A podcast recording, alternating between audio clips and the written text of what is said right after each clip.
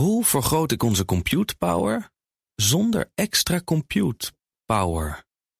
Lenklen, Hitachi Virtual Storage Partner.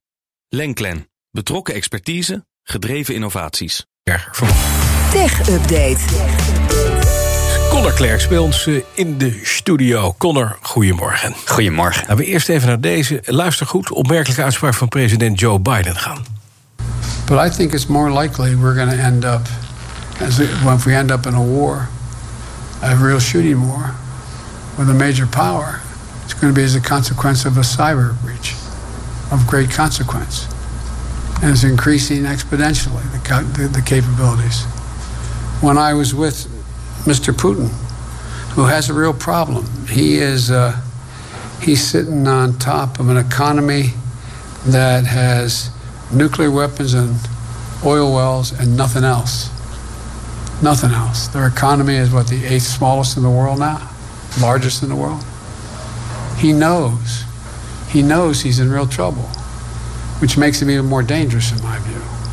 Ja. Ja, dat is klare taal, hè, Bas? Nou, dat is nou. En het is een, het is een openlijke waarschuwing. Ik vind het ook een beetje eng wat hij, wat hij zegt. Van, Ja, inderdaad. Ja. Ja. samenvattend, als de Verenigde Staten in een echte oorlog eh, belanden, zegt Biden, met een major power, denk eh, Rusland of China, dan eh, is het heel waarschijnlijk volgens Biden dat dat het gevolg zal zijn van een grote cyberaanval. En Reuters schrijft vanmorgen dat cybersecurity bovenaan de agenda van het Witte Huis is komen te staan. Heeft natuurlijk alles te maken met de grootschalige aanvallen van de laatste tijd. Denk aan de SolarWinds hack, de aanval op de Colonial Pipeline, Ja. de aanval op vleesverwerker JBS. En meest recent natuurlijk eh, eh, de grote aanval op softwarefirma eh Kaseya. Ja, sommige van die aanvallen raakten de, de kritieke infrastructuur van Amerika. De brandstof, de voedselvoorziening. Dus ehm, het is niet heel, heel eh, ja, ergens niet heel verrassend wat hij zegt. En toch denk je, oeh, dat zijn wel eh, pittige woorden.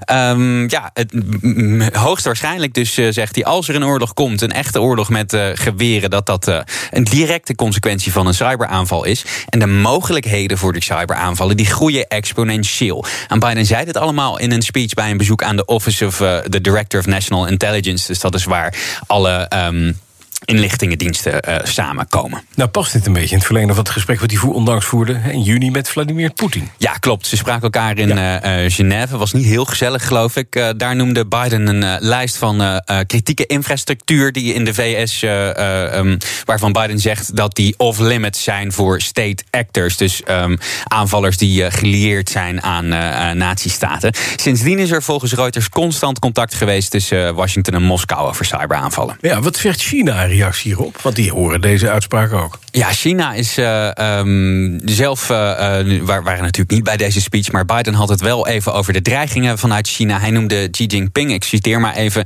dodelijk serieus bezig om de grootste militaire macht ter wereld te worden. Dus ja, daar letten ze vanuit Washington ook heel scherp op. Nou, je zal met diplomaat zijn. Nou, deze week hebben we een Inderdaad. aanvang gezien. Het wordt steeds minder mooi, die openlijke ruzie. Inderdaad.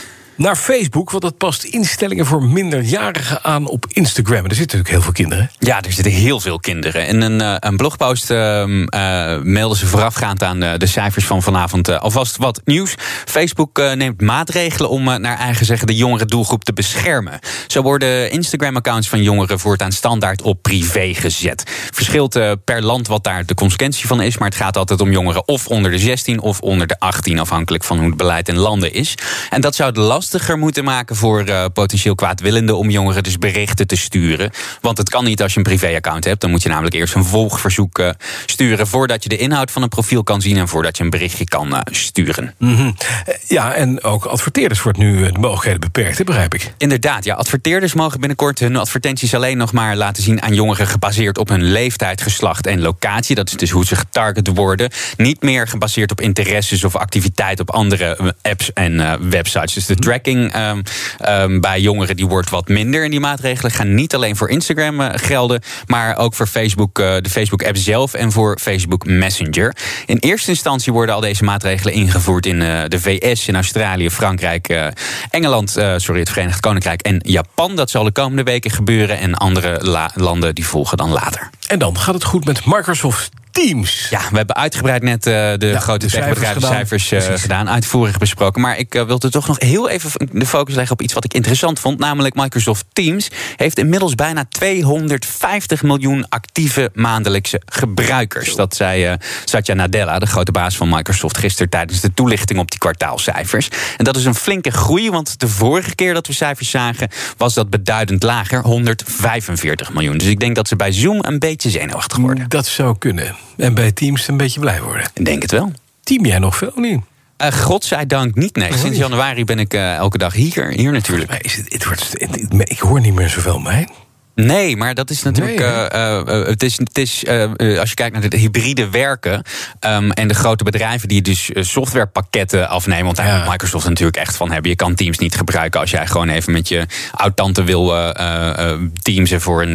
eh, eh, even om bij te kletsen. Het is echt veel meer eh, gericht op eh, eh, Windows-gebruikers en bedrijven die eh, accounts hebben. Ja. En daar eh, wordt het denk ik nog, eh, nog wel veel gebruikt. Want ik denk ook dat we veel minder van die reisjes gaan zien. Zeker. En veel minder Dat vergaderen zo. fysiek. Ja. Maar Het kan trouwens wel, hè, met je familieteams. Dan haat je je familie wel echt, denk ik. Maar een hele ongezellige app. hoe was dat laatst? Hè? Heb je dat laatst? Heeft niet gedaan, maar ze adverteren ermee. Teams voor eh, vrienden en familie. Teams voor vrienden en familie. Kan inmiddels. En bedankt. Dankjewel, Conor Kleers. De BNR Tech Update wordt mede mogelijk gemaakt door Lenklen. Lenklen. Betrokken expertise, gedreven resultaat.